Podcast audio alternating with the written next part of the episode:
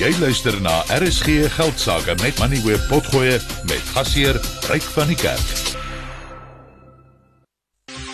RSG Geldsaake met Money Web elke week saand tussen 6 en 7.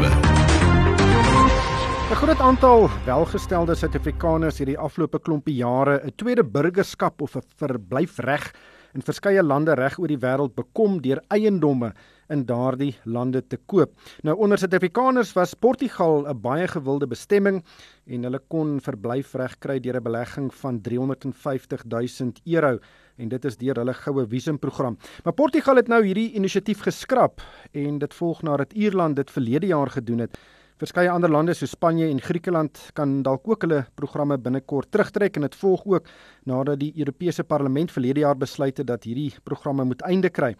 Nou Portugal het die goue visumprogram in 2012 bekend gestel om buitelandse belegging te lok. Dit was net na die finansiële krisis. Andrew Risikers op die lyn huis van Sable International. Andrew, thank you so much for joining me.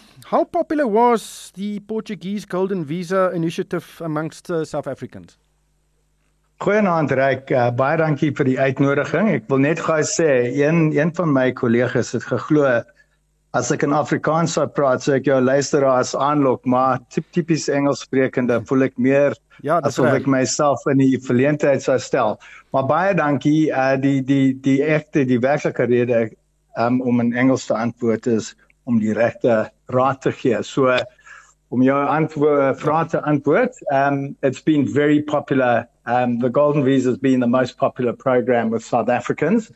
Um, we've we've obviously been doing this since uh, 2012, and we've been responsible for close on 400 families who've who've entered the Golden Visa program. And specific reasons why it's been really really um, interesting to South Africans is it's a it's a true pathway to European citizenship without actually having to physically relocate to Europe.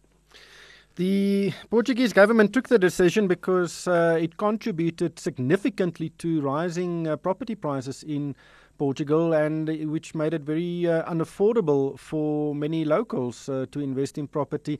But what does this mean? Um, is this door closing not only in Portugal but in many other countries too?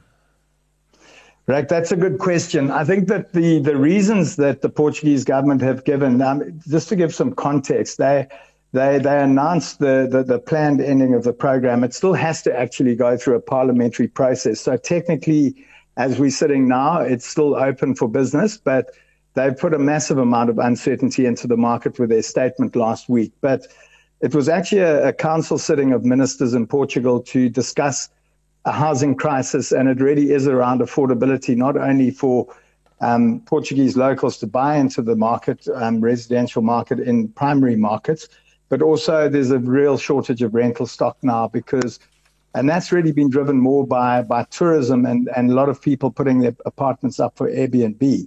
And as you probably know, Portugal in the European context is quite a poor country, and the average salary in Portugal is is, is a thousand euros a month. So it, it's a very, very political issue. But th- this is what the Portuguese government is saying. But but reading between the lines, and you said it in your introduction, the, the EU don't like these programs, and um, I think that there's some some security concerns about um, people coming into Europe through the back door through these programs, and I think there's a lot of pressure from the EU. But from a South African perspective, uh, are there other options or golden visa opportunities available? Yes, they are, and I think that um, I think that we've just got to watch the space on the Portugal one. Within the next three or four weeks, we'll have clarity on on what the actual end of the program looks like. So I think there'll be a very narrow window for people to still invest in Portugal, um, and that's something that we would take a bit of a consultative view on. Um, but I can't answer that particularly now. The Irish closed their program a week ago. It was announced that the investor program was closing with immediate effect. And on one particular um, qualifying investment, uh, being a, a, an, an authorized fund investment, there's a three month window in which people can invest. But we just also understand that from a logistics point of view, one needs to collate a, a file to, to submit an application. So within three or four weeks, you know, you, would have to have made a decision on Ireland. That in itself is a great program, but also coming to an end. Um, yeah, the, the, the, Spanish golden visa, um, it does exist. It's, it's not very popular with South Africans for, for two reasons. Um, it never really leads to Spanish citizenship. And the second reason is that this, you know, if you ever did spend enough time in Spain, the Spanish don't allow dual citizenship. So one would have to actually ultimately give up South African citizenship. So it hasn't been popular.